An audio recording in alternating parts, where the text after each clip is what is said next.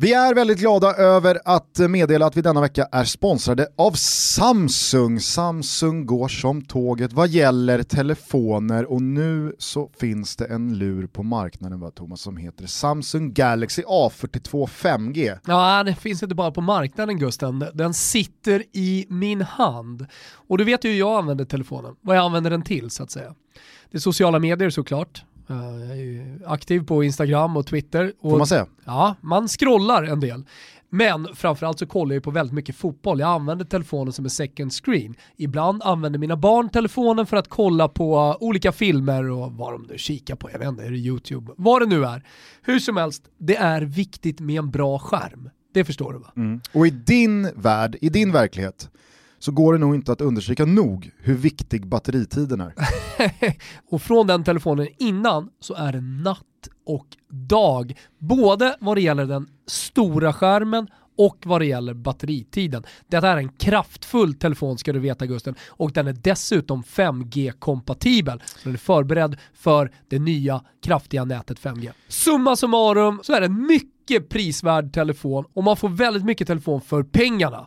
5G-kompatibel, en ruskigt bra skärm, en minst lika vass kamera, en otrolig batteritid. Ni hör ju själva, det är mycket telefon man får för pengarna. Gå in på samsung.se och läs mer om Galaxy A42 5G. Gör det nu hörni, vi säger stort tack till Samsung som är med och möjliggör Toto Balotto.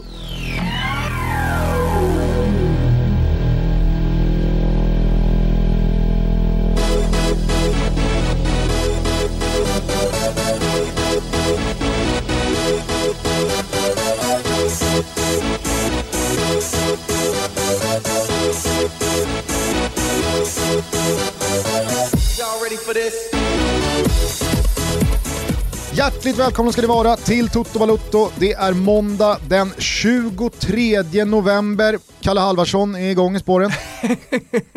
ja, jag visste att du skulle Jag visste inte vem det nu när du säger Kalle Halvarsson så blir jag inte förvånad. Helvete, det började med spya efter varje lopp i den här jävla prologen eller vad de höll på med och sen så blev det väl någon jävla pallplats tror jag också. Men eh, nej, eh, det det känns deppigt och jag vet att det är många som förknippar den här perioden med mörker, med kyla och ja, men det är väldigt mycket så väder eh, förknippat alltihopa.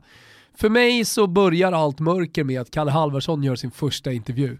Och för er som undrar varför... Reportaget av Ludde Holmberg när han har varit på en hela myr och eh, liksom följt Kalle Halvarssons träning och man hör att liksom han börjar jobba upp säsongen, att det är nu det ska ske. Helvete vad han jobbar hårdare än någonsin tidigare. vet man, det kommer bara falla platt. Och för er som undrar varför vi inleder ett måndagstutto efter en sån här sprakande fotbollshelg med att prata om Kalle Halvarsson så finns det ju en följetong här. Thomas har eh, haft ett horn i sidan åt Kalle Halvarsson och hans eh, skidåkning senaste åren. Ja, jag skäms problemet. lite över att jag tycker att det är så roligt, för att det är ju lite liksom too much. Du, har gått, du har gått lite eh, för långt. Han går för långt, det är det som är problemet. Han går ju för långt hela tiden och vi, det, är, det är lite av problemet som med det svenska tennisundret. Liksom. Efter Björn Borg höll jag på att säga, men eh, Stefan Edberg, eh, Villander, fan då hade vi Pernfors. Fina, fina Pernfors. Ja. Gick han till final i Franska öppna eller? Det gjorde han väl va? Ja, och sen så kom helst. andra vågen då med ja, Björkman och Thomas Johansson och gänget. Ja, ja Thomas Enqvist eh, och som slut, ja Norman och, och Robin, Robin Söderling var väl den sista liksom i andra vågen, den unga i andra vågen. Men problemet blir då när... Niklas Kulti. När det svenska, ja Niklas Kulti, alltså, när, han, när han spelar med sträckt bak, spelar med hamstring i en Davis Cup-match och håller på att vinna den. Alltså, en av de mest legendariska matcherna någonsin hade det varit, för han fullföljer liksom matchen och kan bara också, gå på winners hela tiden. Jag kan också skjuta in här att Jonas Björkman och Thomas Enqvist, det är de två i särklass trevligaste människor jag någonsin träffat. är det så? Ja. Helt, oh, helt överlägsna. Ja. Hur som helst så, liksom det, det, det, svenska tennisundret, det, det, går ju sådär nu. Och det har ju då blivit eh, bröderna Ymer som på något sätt får, får, får bära den svenska tennisen. Mm. Och eh, det är väl sådär. Nu är inte de väldigt mycket ute i, i media. Utan eh, de eh, kavlar upp ärmarna och de gnuggar på. De, framförallt lillebrorsan Mikael vinner lite matcher ibland och liksom går, går lite långt i turneringar ibland. Elias har haft eh, problem med, med skador. De snackar inte så jävla mycket. De snackar inte speciellt mycket, men nu då när det, det svenska skidundret på herrsidan ska sägas, eh, går knackigt och det inte finns någon tydlig världsstjärna så har det ju blivit så att det är Kalle Halvardsson, men han snackar ju väldigt mycket och det pratas i media om att så här, vilken jävla talang han ändå är, vilken lungkapacitet och så vidare. Så inför varje säsong så byggs det upp liksom att Kalle Halvarsson, där, i år händer det. Men det händer aldrig. Så det snackas för mycket och det, det ges för mycket utrymme åt en förlorare. Där är jag tydlig tycker jag. Två viktiga saker att understryka här. Dock, ett, eh, du eh, gick ut då under eh, VM 2019 och sa tar Kalle Halvarsson en individuell topp 10-placering så är det jag som springer Lidingö-loppet. Ja. Det gjorde du inte. Och det är för dåligt av dig. Ja. Det ska du göra. Ja, det kommer. Eh, och det kommer två, pandemi emellan Gustav. Jo, visst, det, det, det, lät, det lät så eh, i år kanske. Men eh, september 2019, mig, mig veteligen så var inte coronan här september 2019. Jag ska sätta en GoPro på mig så ska jag springa det jävla Lidingöloppet. Du skulle väl dessutom göra det i en t-shirt med kung Kalle på bröstet? Ja, det kommer hända. För han tog ju typ, typ en sjätte plats eller någonting. Så här. Grattis Kalle, kul. Hur som helst. Gick för medaljerna. Den andra, eh, bara eh, korta pucken här, eh, som jag ändå vill avsluta med, det är ju att ni hittar ju ändå varandra i er eh, sympati för och ert eh, stöd till Petter Northug. Ja, absolut. Där har du ändå respekt för Kalle Alvarsson. Stor respekt. Hans rakrygghet att han ja. går ut och säger att folk får tycka vad de vill, men jag kommer, jag kommer inte racka ner på Petter. Så här, jag gillar Kalle. Gör det? Nu börjar jag gilla honom lite. Ja. Ah, ja. Tennis-toto känns annars som, som någonting som eh, är lite starkare än många andra del-toto. Mm. Ja, kanske. Mm. Men det, det, är väl snarare mest på grund av att vi är så oerhört svaga i så många team, del, delar team, av eh, andra totos. Team torskade ju finalen igår mot Medvedev. Så att du höll på min österrikiska hjälte. Aj då. Aj, nu eh, tycker jag att vi skiter i både tennis och skidor. Vill du ha dig ett enormt matigt svep efter helgen som varit? Ge mig. Under de spellediga dagarna när det nalkas landslagstider så kämpar man. Man kvider, ojar sig, stånkar och suckar. Låt det bara rulla igång igen tänker man. Och när det väl brakar loss då går ögonen i kors och man far efter något slags stopp. Men vi tar det från början. Monaco, anförda av den mycket, mycket bortglömde Cesc Fabregas, sparkade igång denna sprakande klubblagshelg med att vända 0-2 i paus hemma mot självaste PSG till seger 3-2. Nu leder förvisso huvudstadslaget serien fortfarande, men med tre förluster på 11 omgångar vill i alla fall jag tro att det till och med i Ligue 1 kan bli lite spänning i år. Marseille, nämnda Monaco, Montpellier och Tino Tenda Cadeveres Lyon skuggar ett par fjuttiga pinnar där bakom och jag vågar tro på att bland all covid-skit så kanske vi i alla fall kan få oss en toppstrid i Frankrike i år. En toppstrid blir det vare sig ni vill eller inte i England. José Mourinho fick sitt så viktiga ledningsmål mot Manchester City och antagonisten Pep, så trots ett massivt bollinnehav för ljusblått och en rejäl dominans av matchbilden kunde portugisen styra sitt lag till tre blytunga och serieledning efter nio spelade omgångar. Personifierade av Jung Min Sons djupledslöpningar och Pierre-Emil Höjbjergs oömma bollvinster centralt har nu Spurs tydliggjort det många hittills tvivlat kring. Men jo då, de menar allvar. Allvar får man också säga att Liverpool menar med sin hemmastatistik, för nog var vi några som trodde att på bortaplan hittills hundraprocentiga Leicester med Jamie Vardy i toppslag skulle kunna störa de regerande mästarna när allt från van Dijk till Trenty och Salah saknades. Men oj så fel vi fick. James Milner, Diego Jota, Andy Robertson och Roberto Firmino är ganska dugliga de också. Och när allt var över så skrevs resultatet till rättvisa 3-0 och Klopps 64 raka hemmamatch utan nederlag. Olof 64, sexa, 4. 0-0 mellan impotenta Leeds och kastrerade Arsenal, Pepe med säsongens mest idiotiska utvisning och hux flux så var den där bortaskalpen mot United bortglömd för Mikkel Arteta. Och på tal om United så hade man VAR-marginalerna med sig hemma mot West Brom då först en till synes korrekt dömd straff för bortalaget dömdes bort och Bruno Fernandes sen på andra försöket från 11 meter kunde överlista Johnstone med matchens enda mål. Dominic Calvert-Lewin gjorde två nya mål mot Fulham och har nu ensam gjort lika många pytsar som hela Manchester City. Chelsea med en dag på jobbet-seger mot skatorna och Brighton fick äntligen tre poäng för en gedigen insats, denna gång mot håsade dynggänget Aston Villa. Vi tar oss till Tyskland där allt stavas Erling Braut, Sumi, Haaland.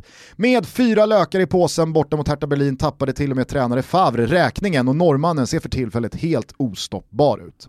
Ostoppbar ser också Schalkes degradering ut att vara. Die Königsblau, de kungsblå alltså, ligger tvärsist. På åtta matcher briljerar man med tre oavgjorda och resten förluster och nu senast så blev det slagsmål mellan assisterande tränare Naldo och gamle räven Ibisevic. Vad har de på gång egentligen Schalke? Zweite. Zweite är vad Schalke har på gång. Poängtapp för eh, Bayern och Leipzig, femte raka för kusarna och säsongens första seger för Quaisons Mainz mot Spanien. För där saknade sannoliken inte helgens stora batalj, den mellan Atletico Madrid och Barcelona, rubriker. Till att börja med så segrade hemmalaget efter ännu en sån där simeonsk krigarinsats med hjärtat på bordet och 68 mil under fötterna. Men i andra vågskålen hittar vi förmodad långtidsskada på Piqué, ytterligare en skada på Sergio Roberto, en matchavgörande tabbe av Ter Stegen och enligt spansk press Messis hittills sämsta insats i år. Jag lägger en liten dublon på att Ronald Koeman inte sover lika gott som Börje Salming these days. Real Sociedad och Alexander Isak tog dock tillbaka serieledningen från Atleti under söndagen genom 1-0 borta mot Cadiz och ett efterlängtat mål från svensken. Villarreal och Real Madrid spelade lika på ett, Valencia var inblandade i ännu en kaosmatch och Celta Vigos nya tränare Eduardo Codé tryckte plattan i mattan i sin debut, gick all in med allt han hade och gick under med 4-2. Kul, pikt, fläktar friska och hela den grejen.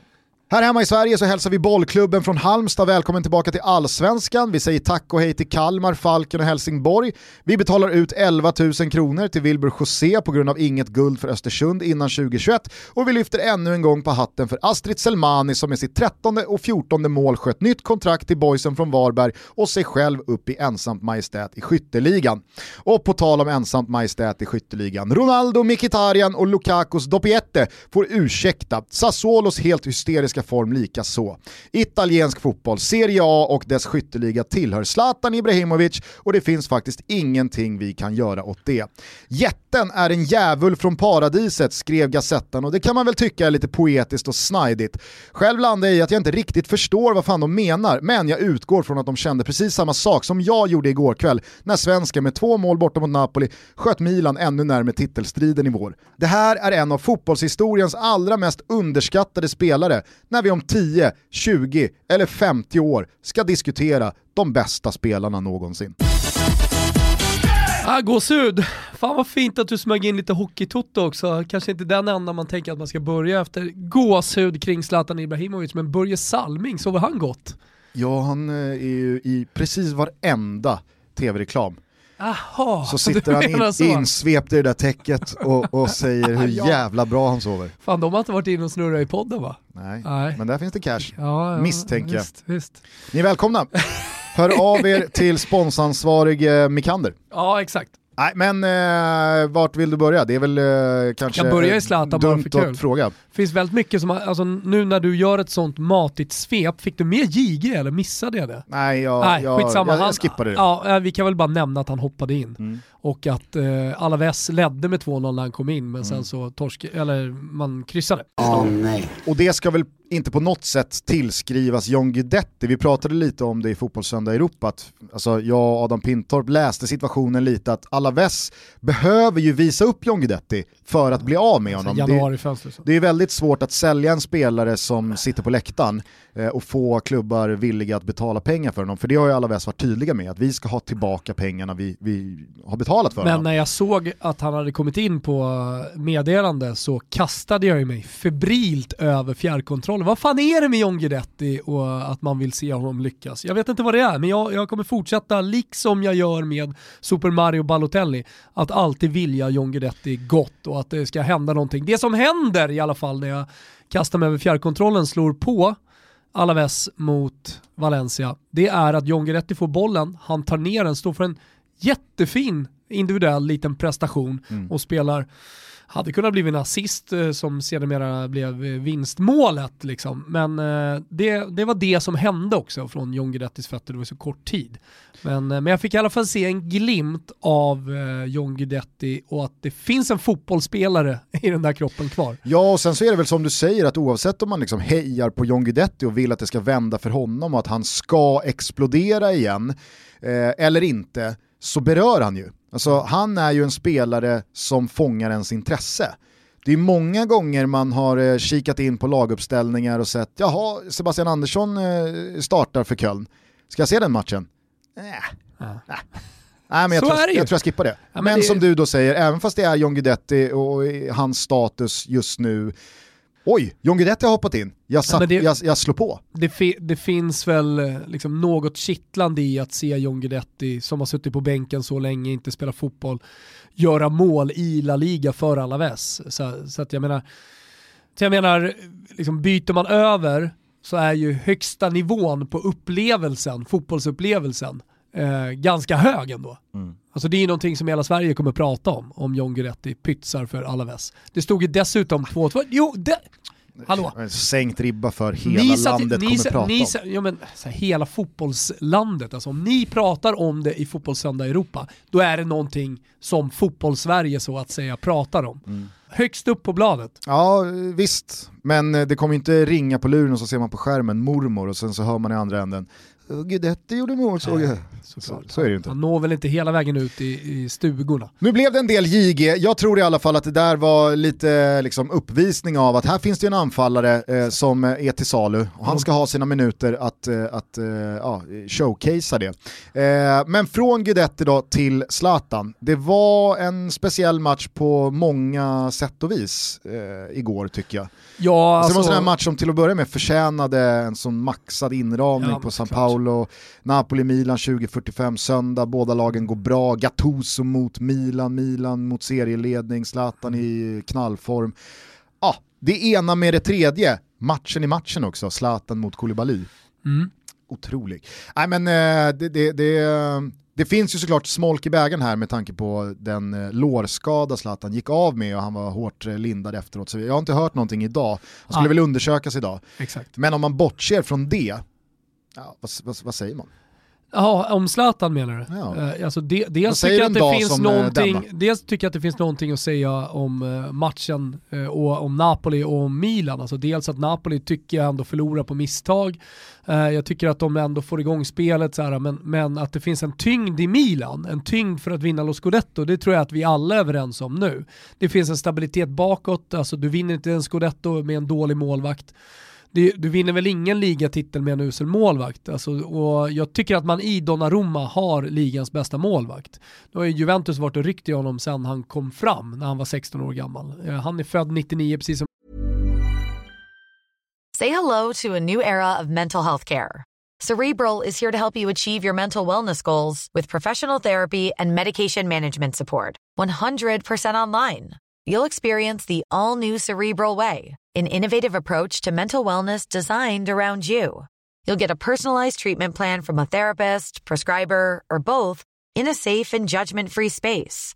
Your cerebral therapist or prescriber will outline a customized plan with clear milestones along the way so you can get to feeling your best. With Cerebral, you're not alone in your mental health journey.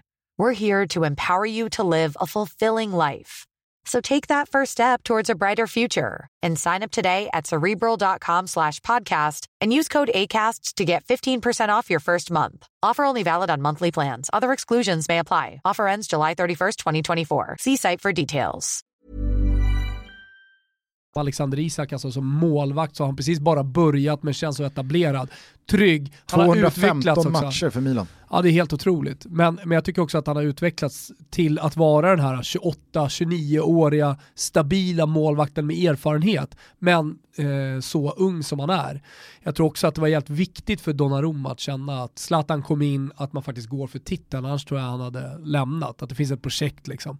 Men sen att så många spelare har lyft sig, det har vi snackat om också med Simon Kjär som någon försvarsgeneral liksom, och Kessie som springer runt på mitten och på tal om Lagazzetta dello Sport, man pratar om tusen nyanser på Kessie. Han har skott, eh, han, har, liksom, han kan styra spel, han är tuff i närkamper och så vidare. Jag, ty jag tycker, han, Har är, han, han är inte Clarence Seedorf, men tusen kostymer i garderoben? nej, mer tusen nyanser. Ja. Ja, istället för kostymer. Eh, men eh, jag, jag, ska inte, jag ska inte jämföra honom med Clarence Seedorf bara för att han också är svart och har stora lårmuskler och är en central mittfältare. Men när man eh, liksom minns tillbaka som Milan-supporter så är det enkelt att alltid jämföra med, med stora spelare. Som Tonali till exempel som kommer in och är väldigt lik Pirlo till spelstilen. För övrigt en spelare som man absolut inte har fått igång än. Nej, så där nej. finns ju ett sparkapital. Benazer känns ju som fullkomligt eh, fundamental för att Milan ska funka till exempel. Eh, men, eh, men i Kessie i alla fall, det, det, det, finns en jämförelse att göra med Cedorf och han har lång väg att nå, han kanske aldrig kommer nå hans höjder, men ändå. Eh, så att här, den här truppen, när man tittade på den inför säsongen så, så var det nog många som liksom viftade bort en, en del spelare. Som Sälemäckers till exempel. Ja, det har ju vi gjort och garvat åt. Men, men det är en spelare som utmanar och bra en mot en. Det är ingen Hazard när han var i toppform för Chelsea. Det är absolut ingen Mares när han var som bäst, men, men eh, det, det, jag vet inte, det känns som att han har ytterligare någon växel också. Det är ett Milan i alla fall som jag tycker är jävligt bra mot ett riktigt jävla bra Napoli. Mm. Och man står emot, man lider sig i slutändan till eh, den här segern. Och visst, då kan man prata om att de släpper till i slutet och att det blir fa lite farligt för Napoli. Men det är alla lag, det är Juventus också. Det vinner man Champions League på genom att lida. Så att det, det är liksom helt fine. I slutändan så gör Hauger det där äh, målet, 3-1 målet som gör att liksom det ändå är distans ner. Äh, men det viktigaste av allt är att man har en referenspunkt hela tiden, en stor mästare. Man vinner heller inga titlar utan en stor mästare. Och Zlatan är verkligen eh, il campione dei campioni. Han är eh, den bästa nummer nian i Italien och han lyfter sitt lag med sin ledar, ledar han lyfter sitt lag med sina ledaregenskaper, även om du tänkte på det när du gick ut. Liksom Bonera, som är vice Pioli på den här matchen. Han är väl han... till och med vice vice Pioli? Ja, så är det ja. Han har någon eh, Alltså Piolis ass är också så covidad. Just det, så är det.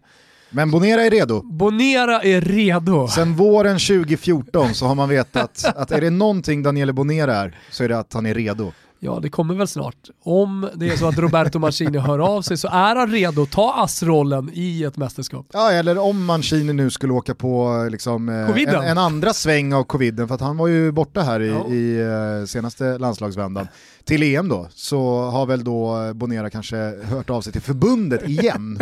Och Jag är redo. Precis. Uh, nej men det blir så tydligt vem det är som är ledaren i, i, i Milan. Det är inte Daniele Bonera på bänken, utan det är mest symboliskt att det ska finnas någon där. Det där rattar Zlatan. Ja. Jag skulle bara reagera på några saker här. Alltså jag, jag tycker också Frank Kessie är fantastisk, men han behöver skicka in 5-6 eh, sträckta vrister från 30 meter i taket innan jag börjar ropa Clarence Edorf. Det, ha, det, det, får jag, det får jag Han har dock några distansskott som han har satt. Jo men ta då och youtubar upp Clarence Edorf compilation. Vet, vet, du vad? vet du vad? Jag sa att han förmodligen aldrig kommer nå hans höjd. Jag säger bara att här finns det att drömma Topp fem absolut bästa distansskyttar genom alla tider. Kanske ja. rent av topp tre, Clarence Edorf. Ja. Fruktansvärt nyp i, i dojan alltså. Men det jag, vill, det jag vill måla upp här, det är ju en bild av ett Milan som faktiskt får drömma, de behöver inte drömma utan de får tro på saker och ting. Mm. Och de, de, de kan börja idolisera de spelarna som faktiskt finns i laget. Och för första gången på ett decennium sluta blicka tillbaka på de stora spelarna som en gång fanns i laget och istället omfamna de spelarna som, som är där. Ja, verkligen. Eh, får man eh, säga dock att man tycker att eh, Gattuso går bort sig lite i den här matchen? Absolut. De saknar ju Osimhen och det kan man inte göra så mycket åt, men jag tyckte det var märkligt att man försökte spela ett spel som om Osimhen var på plan ja. i första halvlek. Sen så byter man in Petagna, så man byter in kyl och frys, men spelar inte kyl och frysfotboll. Alltså, Vitvaran ja, men, Man byter in en vitvara och spelar som att det är, eh, jag vet inte. Mycket roligare om man är torktumlaren men alltså han är så fruktansvärt kylskåpig, ja. Petagna. Ja, Nej men håll med om att... Eh, ja, men han är ju alltså, värvad jag, jag för att vara vice. märklig eh, matchplan men jag tycker och taktik. Alltid det är märkligt. Det byten som inte avspeglar sig på hur man sen valde att spela sin fotboll. Ja, men jag tycker alltid det är märkligt när man värvar spelare för att vara vice, sen så får de inte chansen. Ens när chansen uppstår, för när Osimhen är tillbaka, då kommer Petagna sitta på bänken och sällan komma in och ens spela fem minuter. Och det räckte ju med ett liksom eh, forceringsförsök upp mot Petagna felvänd i boxen så kom man till ett bra ja. avslut i slutet av matchen. Men det var också det För det är så man spelar om man har Andrea Petagna på plan, ja. Så att, nej, jag vet inte, det var, det var, det var en märklig eh, genomförd match av eh, Gattuso och mm. Napoli rent taktiskt. Men det ska ju inte eh, förta någonting från Milans insats, för jag tycker verkligen att den understryker allt det du är inne på, men också det här snacket om att de har haft så lätt spelschema initialt. Det kan man ju stryka nu, för att visst, det som var Bologna och Crotone och Spezia i början, ja men det har ju nu blivit nio poäng mot Inter, Roma, Napoli. Alltså, Visst, de har ännu inte mött Juventus och mätt sina eh, krafter mot den tydligaste titelutmanaren, men det är å andra sidan bara två matcher mot dem. Absolut, och det är det jag menar. Det, det finns liksom... De har vunnit derbyt. Precis på, de samma sätt som att, Napoli. precis på samma sätt som att folk vänder och vrider på varför Tottenham inte ska kunna vara en titelutmanare och få svårare och svårare att lyckas för varje vecka som går, så får man ju det med Milan också. Nu, nu kan man inte peka på att ja, men det är bara Zlatan, för det är ett otroligt stabilt försvarsspel, det är en genomgående centrallinje som är riktigt bra allihopa. Man har slagit några av de absolut bästa lagen i serien och man har gjort det välförtjänt. Ja. Så att, nej, jag, jag är fruktansvärt imponerad av, av Milan mm. Eh, som lag, men Zlatan som spelare, där vet jag inte jag vet inte vad det finns kvar att säga. Jag, jag försökte liksom hitta ett nytt lager här i slutet av svepet med att säga att kanske så börjar Zlatan bli lite underskattad i diskussionen kring, ja men alltså det, det är absolut inte så, så att jag menar. Ja, men man, man, jag, jag, säger inte att eh, vi, vi om 20 år ska säga Pelé, Maradona, Zidane, Messi, Ronaldo och Zlatan. Eller? Men jag hör fan ingen prata om Zlatan när man pratar om liksom de bästa genom tiderna. Mm. Och, och då, då vill jag återigen understryka, jag, jag, jag, menar inte här nu tre namn, men säg att man pratar om 10-15 spelare mm. som de bästa genom tiderna. Okej, han har ingen Champions League-buckla, han har ingen stor framgång med landslaget, men han har 13 ligatitlar om man eh, räknar med alla han har vunnit på plan. Det är mm. väl så han vill att man ska räkna, 14 kanske. Eh, han har gjort det extremt bra i flera olika stora fotbollsländer. Han har massa mål gjorda i sitt landslag som inte är ett av de bättre. Mm. Och han har presterat i en ålder som gör att han också sticker ut mm. jämfört med Ja, men, ja, men det ska ju såklart vägas in jo, men om, om jämför, man, exakt, jämför med de bästa. Om man, om man jämför med andra stora målskyttar genom historien, Gert Müller, mm. eh, Ronaldo, mm. eh, det, det, det, går att nämna hur många som helst, Alan Shearer och så vidare. Alltså, där, Alan där, Shearer. Mm. Hej, ja, ursäkta. hej, hej. Wow. wow. Zlatan. så la du på Balkan, eh, ja. Balkanuttalet också för att verkligen visa i vilken ringhörna ja. du står i. Nej men eh, håll med mig om att det han gör nu i den ålder han är i särskiljer ju honom från väldigt många av de största, för det gjorde inte de. Nej. Totti var fantastisk i många år, men var det någonting han var sista 3, 4, 5, 6 åren så var det ju inte kanske en av världens bästa Nej. anfallare. Eh, kolla på Raul och mm. Torres och andra målmaskiner. Det går ju ut för mm. vid en ålder vid 32, Ja, Zlatan har ju växlat upp. Eh, jag, jag, skrev det igår också. Alltså, det, det, här är dessutom en spelare som inte ska sluta spela fotboll imorgon, utan det här är en spelare som kommer förlänga med Milan med största sannolikhet och fortsätta lira för Milan och mm. spela Champions League nästa säsong med ett förstärkt Milan. De kommer absolut inte vinna någon Champions League, men han kommer vara i, i uh, finrummet och ännu mer än, va, än vad han är eh, den här säsongen. Och de här målen han nu har gjort mot slutet har ju tagit honom in på topp 10 målskyttar genom fotbollshistorien vad gäller tävlingsmatcher. Det ska också sägas när du pratar om en unikitet i Zlatan att han spelar fotboll när han är 39 år som eh, förstärker någonstans argumenten för att han är en av de absolut bästa någonsin. Det gör honom unik. Så är, det, så är också de målen som han gör, alltså de fullständigt unika målen som han har gjort under hela sin karriär också argument för att, ja, men titta, det, det, finns någonting utöver det vanliga. Det är inte Raul som bara stänker in mål, vilket är imponerande i sig, men han gör också mål som man aldrig har sett tidigare på en fotbollsplan. Mm. Och det, det är sånt, alltså, när, när, man pratar om de bästa spelarna genom tiderna så är just eh, det unika i spelaren som jag tycker ska sticka ut. Att det finns något speciellt som man inte sett innan. Sättet Maradona spelar fotboll, det, all, det hade aldrig funnits och kommer aldrig förmodligen finnas på en fotbollsplan. Sen så banade han väg för andra korta, tekniska, snabba fotbollsspelare med fin känsla i foten. Eh, och, och det, det, är stort i sig. Men när gammel Ronaldo kom fram, också en, en, en, spelartyp som du inte hade sett förut, som dribblade i extremt hög fart och vände och, och, och vred i extremt hög fart som ingen hade gjort tidigare också. Pelé kan vi inte prata om för vi var inte där. Nej. Men återigen, Men du har ju dina spelare, band har mina VHS-band men, men Pelé stod ju för väldigt, äh, det, det, det är ett eget Never Forget avsnitt. Men, Dina VHS-band eller i Pelé? ett, nej, men så här, i, ett, I ett Brasilien som hade varit väldigt vitt på fotbollsplanerna hela vägen fram till 50-talet, där finns ett Never Forget avsnitt om faktiskt, eh, så, så är han en svart spelare som kommer fram och, och gör det han gör, det vill säga fullständigt dominerar fotbollen under ett par decennier. Mm. Så att det, det, men, men skitsamma. Alltså, det, det finns väldigt mycket som jag tycker talar för att du ska liksom komma ihåg Zlatan som en av de bästa trots allt. Dels att han fortsätter, dels att han hela tiden levererar, dels att han vinner titlar i stora klubbar och han vinner titlarna åt de stora klubbarna. Bortglömd tid, Inter. Ja, ja, Alltså, ja. kanske, kanske min favorittid eh, med Zlatan. Så jävla bra i Inter, för det var ju då han växlade upp från att göra 17-18 mål till att göra 25-26 mål. Exakt, och han vann vann skytteligan där eh, 28-29. Ja, och vinner titlar åt Roberto Mancinis Inter. Liksom. Det, det, det är en fantastisk Mourinhos Zlatans- eh, det var Mourinhos Inter, men han inledde med Mm. Mancini. Men, men eh, alltså det, det var ju en, det var en snygg Zlatan under de åren med det långa håret och... Framförallt så var det ju en Zlatan som utgjorde ett anfallspar med Adriano. Mm. Och det är ju kanske det mest kraftfulla anfallspar som spelat på en fotbollsplan. Ja. Dzeko Granidze ska vi prata om eh, på onsdag i Never Forget. Det Ja. var också ett kraftfullt anfallspar i Wolfsburg. Absolut, men kanske inte riktigt på Adriano och Zlatan-nivå. Definitivt inte på deras nivå. Nej, men jag Eh, inte, alltså, jag- är du med? För ja, det, så här, när, med. när du ska summera, vi, vi, kan ju inte vi veta nu, vi får väl se det om tio år.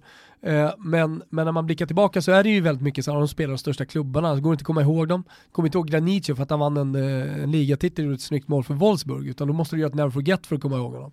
Eh, men men dessutom alla de här unika målen som han har gjort och sen så liksom, ja men fan hur länge spelar han nu då? Mm.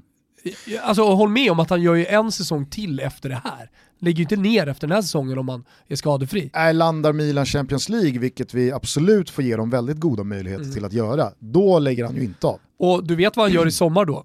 Alltså om han nu är motivator, målskytt, tränare, ledare, så blir han ju i sommar sportchef. Ah, okej. Ja men han, på riktigt Ja. kommer han ju liksom se till att Milan värvar stort. Jag trodde du skulle säga att han, han blir en del av Jannes EM-landslag också. Jaha, ja, ja. Dit orkar jag inte ens gå idag Gustav. Nej, jag förstår det. Eh, sen så tycker jag att det är också värt att eh, påminna om att 10 mål under en säsongsinledning under en höst, ja det är 10 mål som lätt kan glömmas bort eh, efter ett par år i historien om det inte leder någonstans. Alltså det Zlatan har gjort i Milan sen eh, han kom för ett knappt år sedan, ja, men det, det går inte nog att eh, understryka. Eh, Saknar typ motstycke i fotbollshistorien att en spelare kommer in och gör så stor skillnad för en hel klubb. Ja, ja, ja, ja det finns säkert. Var, men, Det finns säkert jo, men, Vet du motbud, vad, vet du men- vad? Du ska också komma ihåg var Milan var. Var de här spelarna runt om. Det är inte så att de har värvat ihop ett helt lag runt Zlatan. Nej. Utan alla var på botten. Rebic, Chalanoglu, Kessi, ju, nämn det- Romagnoli till och med har, hö, har höjt sig. Mm. Donnarumma har blivit bättre.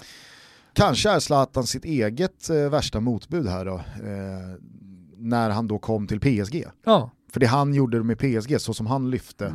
Visst, Men det Thiago, var också Thiago väldigt, Silva i all det var ära, men... det var eh, också väldigt många värvningar som gjordes ihop med Zlatan, eller under den tiden. Här har det inte gjorts några, det är samma spelare som fanns där redan. Ja visst, eh, det jag skulle säga i alla fall... ny. det, äh, Sälemäkers var ju där i... Han kanske var där.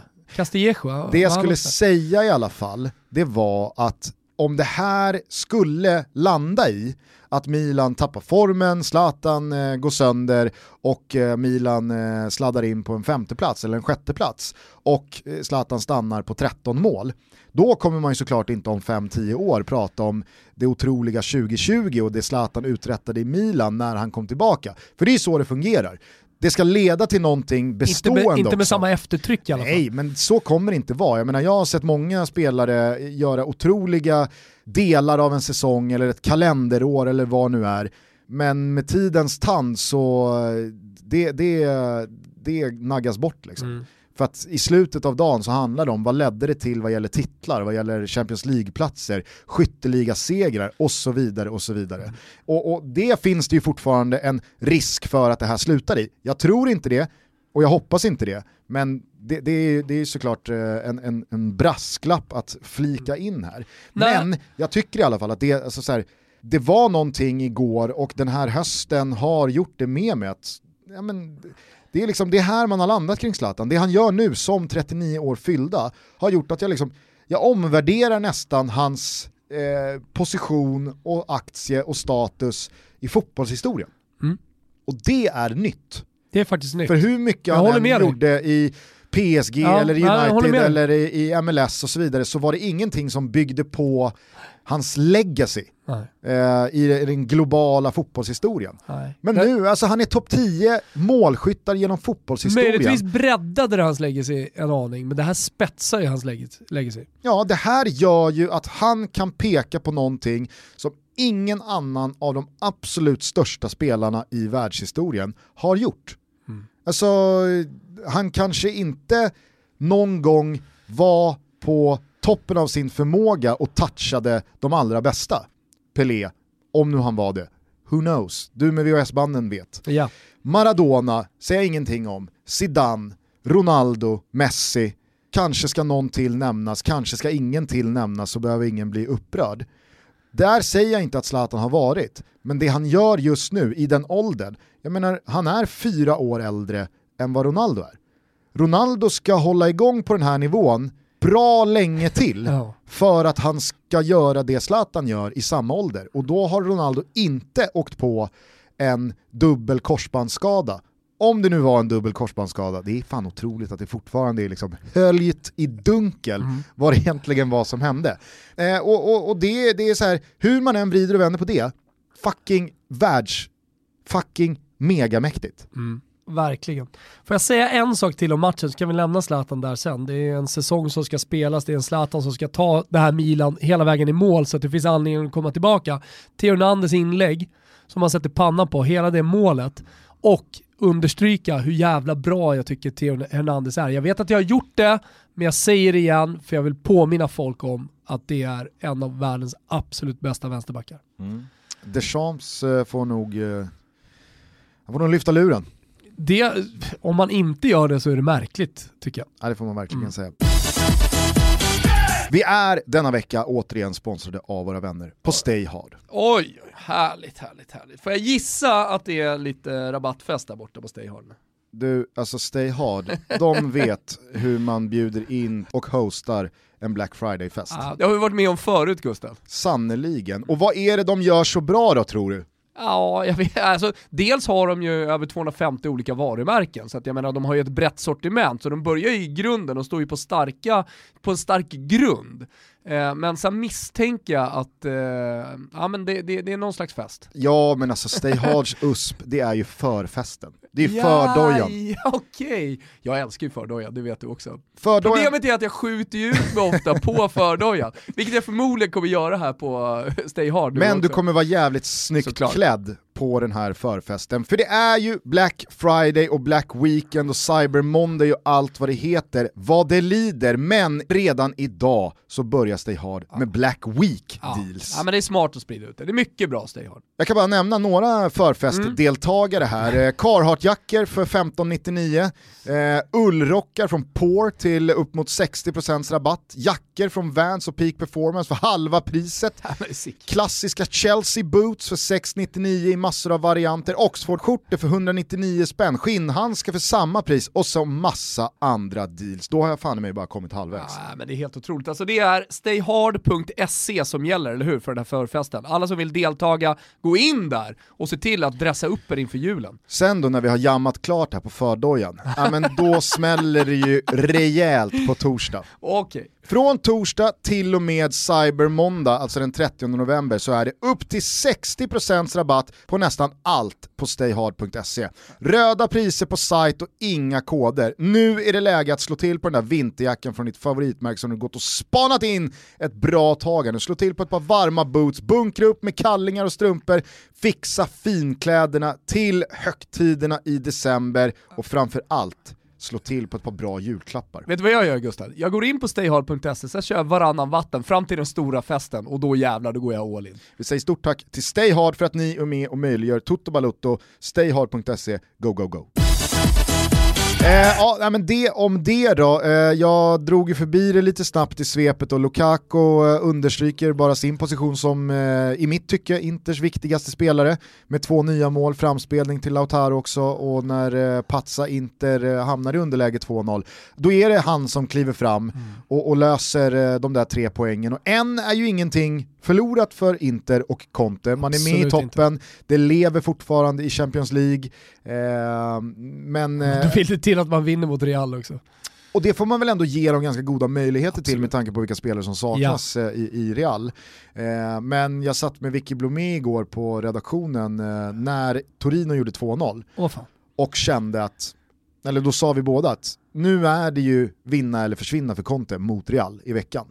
Om det givetvis då hade stått sig med då mm. förlust mot Torino. Jo. Ah, det kanske hade varit. Eh, sen gör man en jävla avslutning och där tycker jag man kan prata om de tre stora anfallarna, de tre stora stjärnorna i Serie A. Du har Lukaku, Zlatan Ibrahimovic och du har Ronaldo. Eh, när eh, Sky gjorde en eh, omröstning, vem är viktigast för sitt lag? För alla är ju viktiga, alla är oumbärliga för, för sina respektive lag. Vem tror du hamnar i toppen där? Borde väl ändå vara Ronaldo. Nej, Zlatan.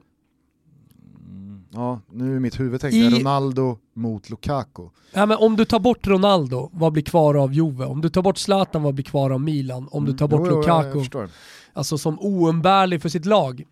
Alltså i Inter så är ju, alltså alla tre är ju jätteoumbärliga om man får säga så. Ja. Eh, men i Inter finns en eh, Lautaro Martinez som kan flankeras av en på Alexis Sanchez. Lautero? Eller? Lautero, sa jag det? Sa jag inte Lautaro? Ja, du sa Lautaro. Ja. Jag säger Lautaro. Ja. Många andra säger Lautaro. Men? Vissa säger Lautero. Vem då? Det är en pik. jag tror att de som förstår förstår. Okej. Okay. Eh, men jag håller nog med majoriteten av de som har röstat, det vill säga de som tog Zlatan. Ja. Tar du bort Zlatan, då får du flytta på Ante Rebic som nia. Mkhitaryan var utom tävlan i denna MVP-omröstning eller? Helvete som man går nu. Hur många mål har han gjort de senaste matcherna? Fem. Fem baljer på, på, två. Fem på två. Ja, och det är inga dåliga mål än. Nej. det är helt otroligt. Jag sa det som trans. i vårt eh, inför Serie A-avsnitt som vi gjorde i, i augusti. Eh, så sa jag att eh, Mkhitaryan kommer vara bra. För man har sett det på honom. Och han har ju så tydligt också på ett Dries Mertens vis proklamerat att han verkligen vill vara kvar i den eviga staden. Han älskar Italien, älskar Rom och verkligen gift sig med staden som man brukar säga. Eh, och det har ju definitivt Dries Merten gjort eh, på ett sätt som jag inte har sett någon annan spelare i stort sett. Ja, Kurre Hamrin med Florens. Men eh, ja, annars har jag inte sett andra, det är ju väldigt sällan spelare blir kvar, bor kvar i staden så att säga. Utan man flyttar hem mm. vad det lider. Men eh, Dries Mertens, han blir ju kvar i Neapel och förmodligen kommer han bo där med sin familj och det är därför han inte heller har bytt klubb. Vet du vad Mkhitaryan också har? Eh, nej. Han har vaderna. Okay. Som Grealish och eh, Uffe, Luka Modric och Shakiri och några till. Uffe Men som många lyssnare har uppmärksammat oss på, Moderaternas partiledare eh, Uffe Kristersson alltså. Vilka jävla bjässar. Det är, man, man, kan sitta och kolla på de där vaderna hur länge som helst. Ja, så Mkhitaryan bara... har, har fina vader, de, ja. är, de är bra. Det är mycket, mycket liksom. Har riktigt bra. Men uh, Ulf alltså, det är det är något i hästväg. Alltså. Har gjort? Ja, jag vet inte.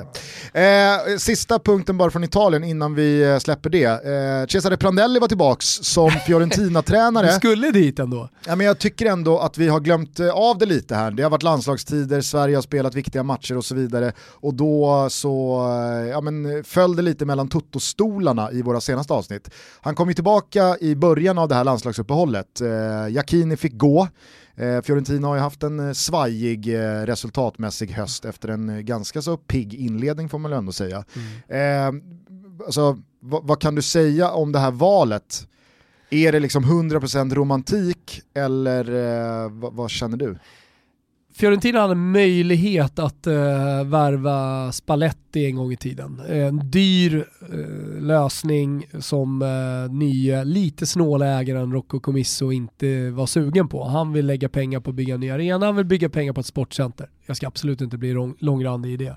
Men eh, då tog man det billigare alternativet. Men med Beppe Jacchini då kommer man fan inte långt. Problemet är att Beppe Jacchini har kört ner självförtroendet i botten på Fiorentina-spelarna. För kollar man på den startelvan som de ställer på ben, som Prandelli ställer på benet så är det offensivt ganska tungt offensivt lutat lag. Med Ribéry på ena kanten, med Castrovilli som nummer 10 med stjärnskottet Kouame, som inte har blivit något stjärnskott i Fiorentina. Bakom då Vlahovic eh, kan man säga mycket om, men det är ändå en bra nia. En stor tung nia.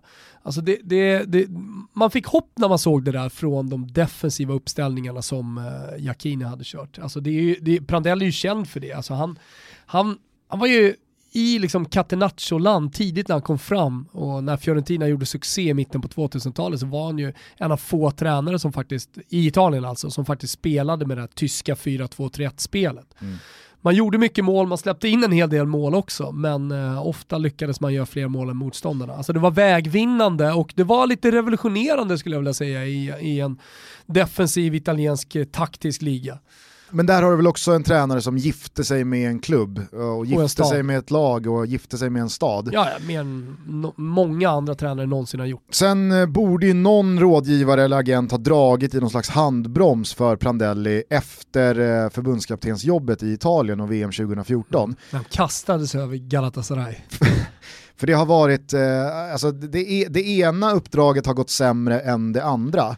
Men är det, liksom, är, är det någonting man bortser från tror du i, i Fio-led? Att ja, men Prandelli är ändå Prandelli.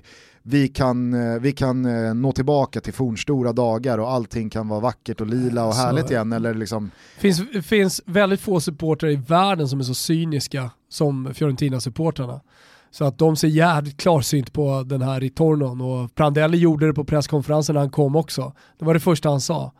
Jag vet att eh, den här typen av återkomster, både spelare och tränare, sällan blir lyckade. Men låt oss göra ett försök. Ja, men, han är ärlig för att han vet vilka han pratar med. Han pratar med Fiorentina-supporterna. Det är det första de säger. Jaha, Ritorno. Liksom, det funkar inte. Eh, Nej så, men det är ju skillnad på en Ritorno och en Ritorno. Alltså, såklart att det är det. Är det Prandelli så misstänker jag att 99% ja. av alla Fiorentina-supportrar ändå är så här, fan vad nice. Ja, men, men också så här, ja det är, väl, det är väl en bra lösning för nu, men i, i Florens är man också så här, men prestera nu. Vi kommer aldrig glömma dig, för det gör man inte. Vi kommer aldrig glömma dig för det du har gjort.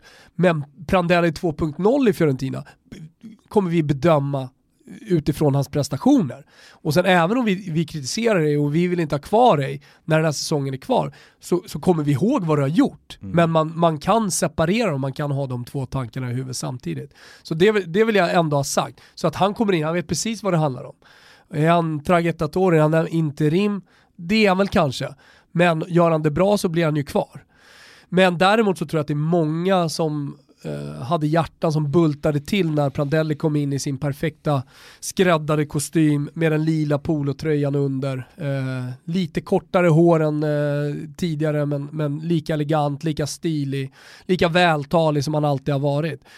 Så att eh, det, det, var nog många som ändå, ja men det pirrade till rejält eh, i, i, i, i könsdelarna hos, hos hela Florens befolkningen. Men sen kom den prestationen då och det säger ju allt vad Beppe Jacchini har gjort med, med klubben. Däremot så är det ju inte alltså de här cynikerna som jag pratar om, alltså med supportrar som verkligen lever i, i realityn. De, de, de, de ger ju Prandelli chansen här. Mm. Det, det, är inte så att man hänger honom idag utan han, har, han kommer käka panettone, han kommer få möjligheten att revolutionera det här laget. Det kommer att bli ett mycket mer offensivt Fiorentina och det kommer att se annorlunda ut. Där har du, där har du vad ska jag säga, 2021 enda Fio-surr, så kan vi gå vidare och så kan vi återkomma om, eh, om ett halvår igen. Där vi fick alla jävla PL-runkare ändå någonting från eh, Florens. Vi lär väl få anledning att återkomma till Prandelli. Vi hade kunnat prata om eh, Sassuolo också, Berardi och Båga, Båga. och Locatelli. Båga! Oj, oj, oj. Skulle backa säga Båga! Men jag tror att vi får lämna Italien för nu. Jag har några frågor till dig. Mm. Eh, Atletico Madrid slår övertygande ett Barca som förvisso mår väldigt dåligt, allting går emot emot för tillfället. Skadorna hopar sig, Messi är urslag, Koman är dead man walking, det ska till ett presidentskifte här vad det lider och så vidare och så vidare. Trötta jävla presidentskiftet. Men med det sagt så är det ju ett Atletico Madrid som utan Luis Suarez, eh, utan eh, Diego Costa i toppslag, med en defensiv på plats, med Joao Felix och Marcos Llorente och Koke och en del andra spelare i eh, riktigt, riktigt vass form för dagen, visar att de tänker vara med och bråka om en ligatitel. Ja. Tror du att de kan vara det? Ja, det tror jag. Alltså 100% speciellt en sån här säsong. Dels vet vi om att det är speciellt på grund av coronan. Det går att skrälla sig ganska långt. Eh, vi såg det redan i Champions League-spelet i somras. Vi såg det redan i post-corona-ligaspelet också. Alltså det, det, det, är annorlunda att spela utan publik och vissa får lida för det mer. Eh, vi skulle kunna göra en jämförelse med, med den, den svenska fotbollen. Alltså det, det här är inte en åsikt jag har.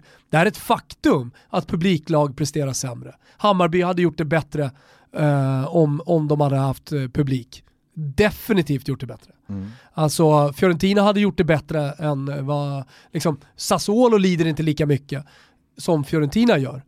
Eh, och så vidare och så vidare. Det är inte en åsikt, det är ett faktum. Och, och så, så, att allting är möjligt. Nu säger inte jag att Atletico Madrid inte har publiken, de har definitivt, precis som Real Madrid och, och Barcelona. Men det är ett speciellt år. Och jag tror att ett lag som Atletico Madrid som haft samma tränare under så lång tid, som har ett så inarbetat spelsätt som är så stabila defensivt, ramstarkt och allting, tror att ett sånt här år, jag tror att omständigheterna på något sätt skulle kunna gynna dem gentemot kollegorna. Mm.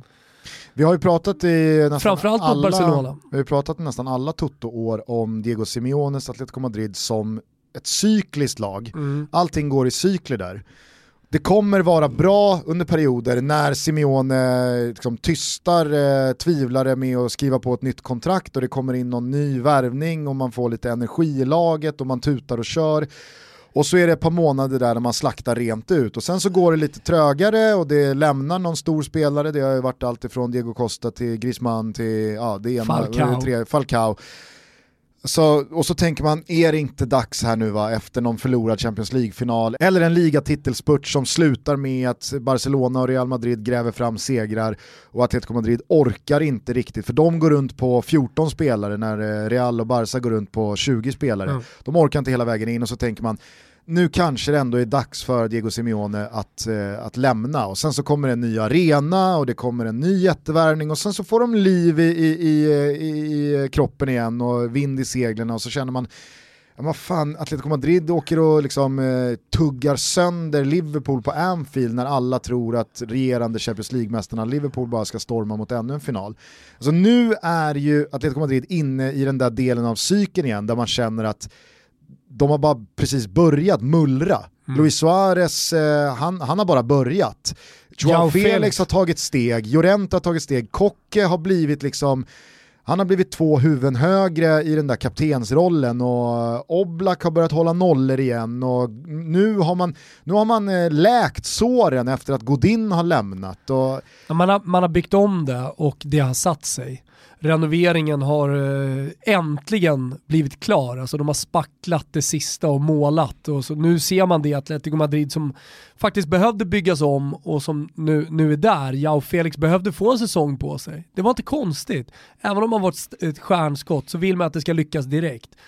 Säg inte att han misslyckades förra säsongen, men nu ser man ju liksom en etablerad La Liga-forward som verkligen kan bära sitt lag också och göra de här avgörande målen. Sen så då med en eh, sån jävla erfaren målskytt som eh, Luis Suarez där. Det, det, det, är klart att Atletico Madrid kommer vara med hela vägen in i maj också. Alltså det är solklart. Mm. Frågan är hur långt efter Barcelona kommer, när, när det väl liksom vänder, om det ska vända då. Ja. För att man, man ser ju ändå Barcelona någonstans vinna tio raka under den här säsongen. Jag vet inte om jag gör det alltså. Jag, alltså det är lite som, eh, det är lite som med Manchester City, vi satt ju i Betssons highscore här för någon vecka sedan mm. och, och, pratade upp eh, omgången som har varit nu under helgen. Och så snackade vi Minns om Spurs. Minns vad jag sa va? Eh, ja, men vi var väl väldigt överens båda två om City eh, och eh, just det där att ja, men har verkligen City fått så mycket färre poäng än vad de borde ha det, haft. Det, det var vi överens liksom... om. Men, eh, men eh, vi pratade ju också om den taktiska matchen i matchen mellan Mm. Pep Guardiola och José Mourinho. Mm. Och så många gånger Mourinho bara släppt över den där bollen i havet och det har sett farligt ut och man kan sitta efter matchen och prata om att Manchester City borde ha vunnit Manchester-derbyt mot United, kolla hur mycket chanser de hade. Inter mot Barcelona, alltså det, det är så många gånger som Mourinho ändå har liksom rätt ut det där och gått vidare. Och då kan man prata hur mycket, hur mycket som helst om man gillar Peps filosofi mer än vad man gillar Mourinhos.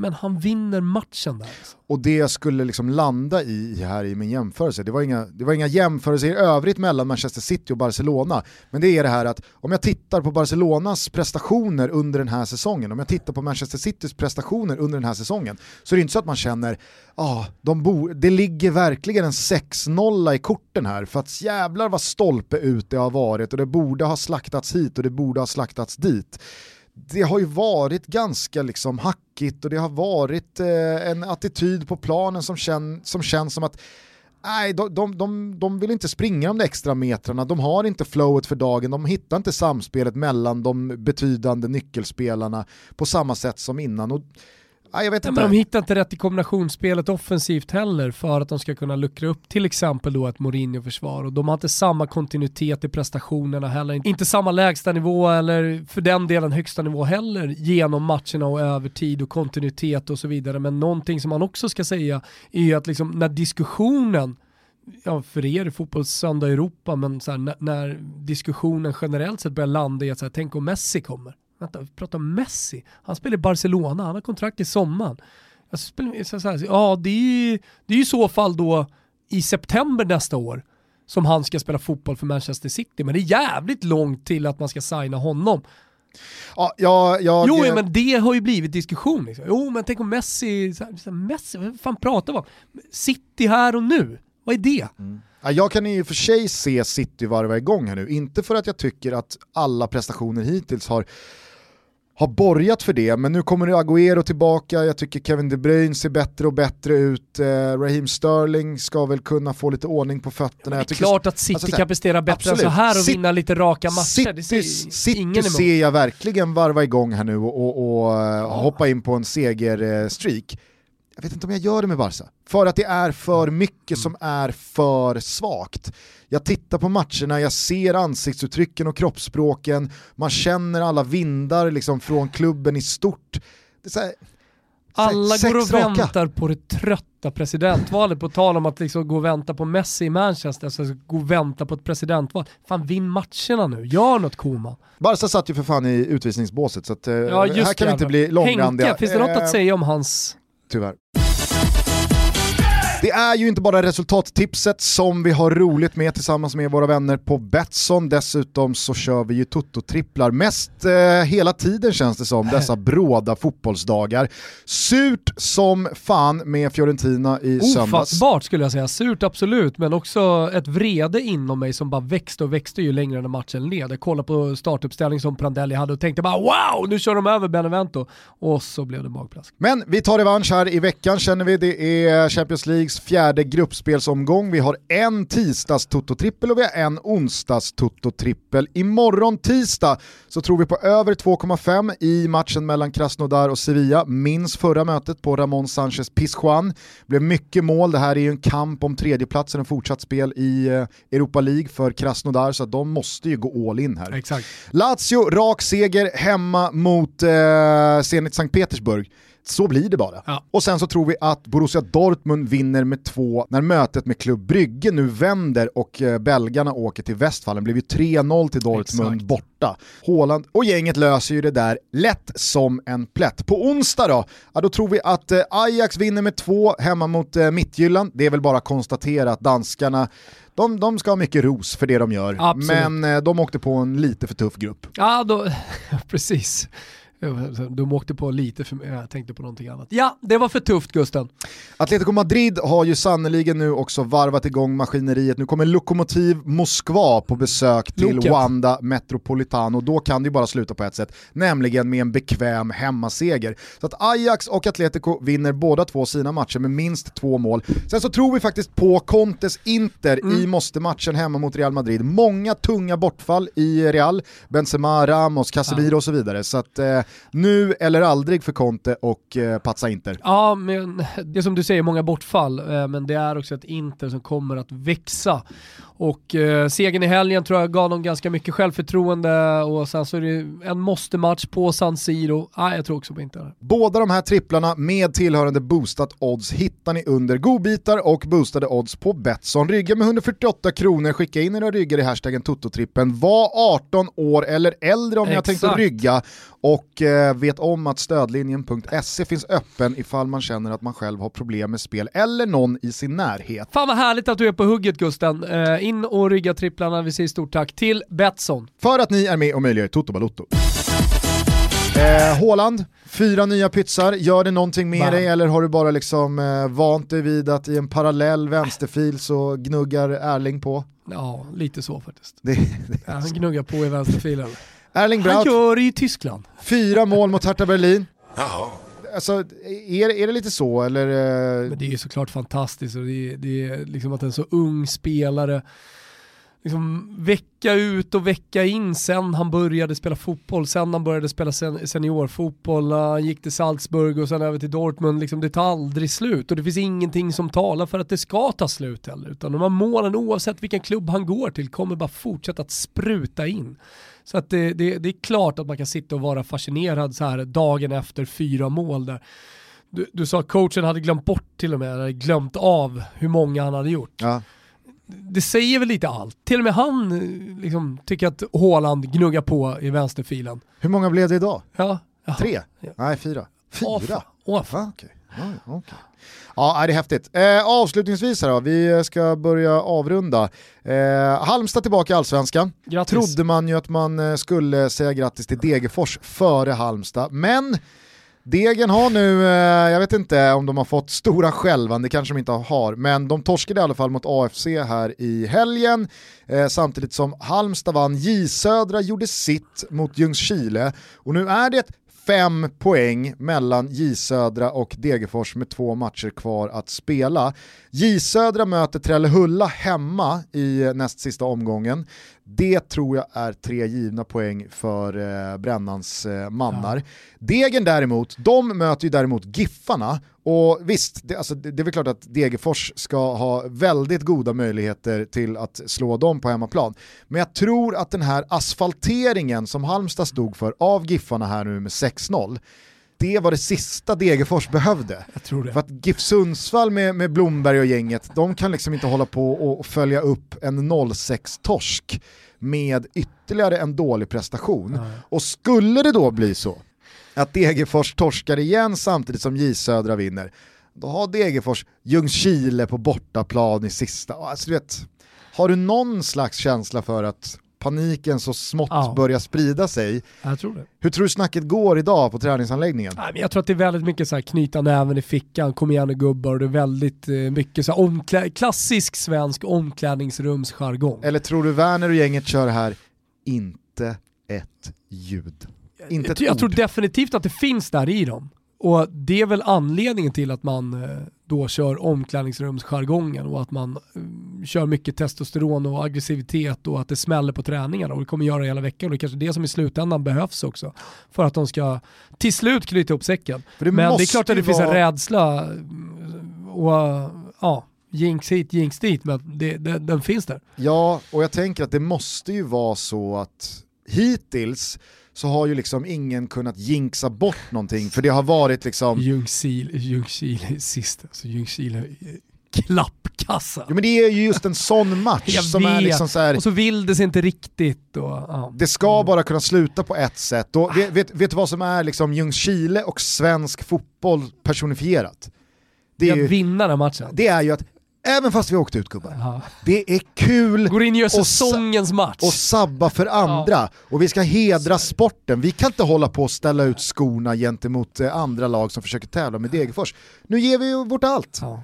Och de kommer liksom så här, ja, som du säger, de kommer göra säsongens bästa insats när det är för sent. För att då hittar Ljungskile någon slags här, ny tändning i att det kan gå gubbar. Eh, nej, Vi men, följer med spänning. Ja det gör jag och det var bara det jag skulle komma till att hittills så har det inte funnits någon form av liksom att ah, Degerfors har jinxat bort det eller de håller på att slarva för att de, de har verkligen inte gjort det. Det har ju bara varit att ah, men andra lag har varit bra, Halmstad har tagit sina poäng och J Södra har grävt fram många sena segrar och så vidare och så vidare. Men nu med två matcher kvar och det är fem poäng, man möter Giffarna samtidigt som J Södra då har en, eh, en enkel uppgift på, på sin hemmaplan, så tror jag att så här, alla har det i bakhuvudet men ingen vill ju ta det i munnen. Alla tänker på det. Mm. Det vet man ju. Solberg och Werner och spelargruppen ja, ja. och alla liksom så här. Kallbäck. Klart som fan det ligger där i bakhuvudet dygnet runt hela den här veckan. Men i, alltså, och, och, så vet man att någon kommer liksom glänta på locket lite och säga vad, vad tror ni händer? Och så, så kommer någon bita av, käften.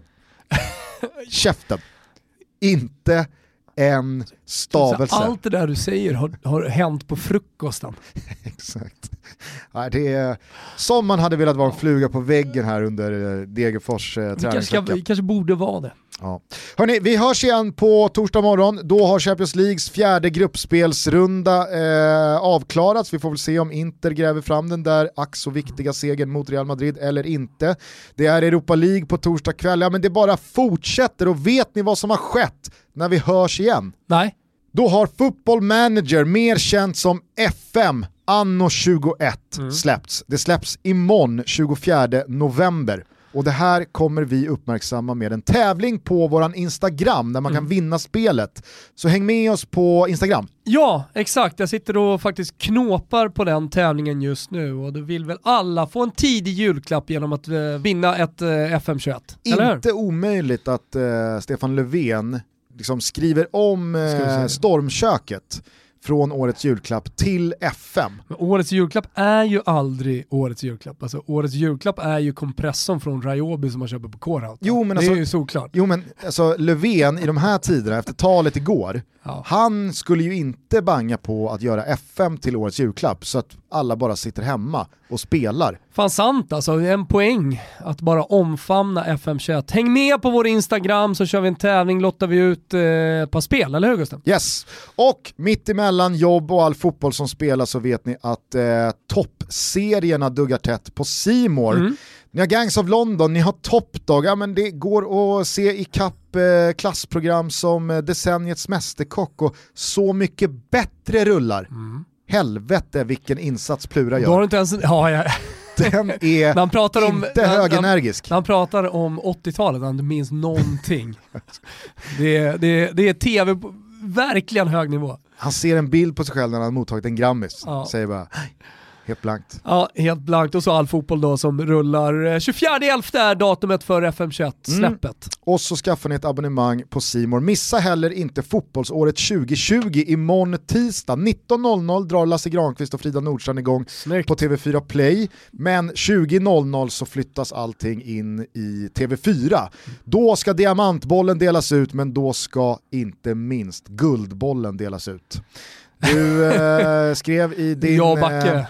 Mycket speciella krönika igår i Expressen. Ja. Speciellt på så sätt att det var... Ja det kan vi ta sen. Okej, okay. mm. ah, ja. det tar vi sen. Eh, du skrev att du fick annöd ja. av eh, Backes utspel Roliga var att Emil Forsberg eh, ska ha Guldbollen. På Sportettan, alltså första sidan i pappret, eh, så har de då klippt in, det är alltid stort att hamna med sin krönika på, på ettan liksom. De har då klippt ut det citatet, eh, liksom, back, jag får annöd när Backe säger att Forsberg ska få Guldbollen. Ja. Den tar jag med mig i graven hörru. Jag misstänker att det är glasklart för dig att Zlatan ska ha den. Ja. Beslutet är ju redan taget, eh, togs i slutet av förra veckan så att hans insats igår spelar ingen som helst roll för vart den här guldbollen landar. Jag vill bara vara tydlig för jag fick mycket skit på Twitter igår när då den här guldbollen-diskussionen från Fotbollssöndag Europa klipptes ut. Fan. Eh, jag fick mycket då skit Spolar du knäcken i öronen? Jag backade Backes åsikt om att Emil Forsberg ska ha den. Jag, åsikt? Jag tycker att Guldbollen ska vara ett pris som går till Sveriges bästa fotbollsspelare. Statuterna är luddiga och det är ett pris som går att argumentera för inte alls går till Sveriges bästa fotbollsspelare, ah, utan ja. den som bäst matchar med statuterna. Ah. Skitsamma, hade Guldbollen delats ut till Sveriges bästa fotbollsspelare så hade Zlatan fått den idag, igår, imorgon. Han är Sveriges bästa fotbollsspelare, således tycker ah. jag att han ska ha den. Men jag tror Emil Forsberg får den imorgon. Mm. För jag är en cyniker, jag tror på internpolitik. Jag tror att det finns så jävla många fler lager i vart Guldbollen hamnar än vem som faktiskt är bäst. Jag tror dessutom att Zlatans utspel mot vissa inom svensk fotboll som har som har en stark relation till de som utgör delar av juryn också spelar in. Vill man prisa en kille som har tagit heder och ära av Jan Andersson under året som varit och så vidare och så vidare. Fotbollspolitik pratar du om Gusten. De som säger att idrott och politik inte hör ihop. Bah! Bah! Hörni, vi är tillbaka på torsdag. Då surrar vi Guldboll och Champions League och fan och hans moster. Tack för att ni lyssnade.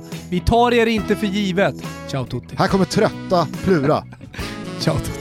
Jag älskar Plura, jag har bara det sagt. Jag lärde mig krypa, jag lärde mig gå jag föll ibland, sen kunde jag stå Jag såg hundra gator och tusen ljus. Mina fötter snubblade in i ett hus. In genom dörren, in i dimman Klockan var tolv, jag stod på bordet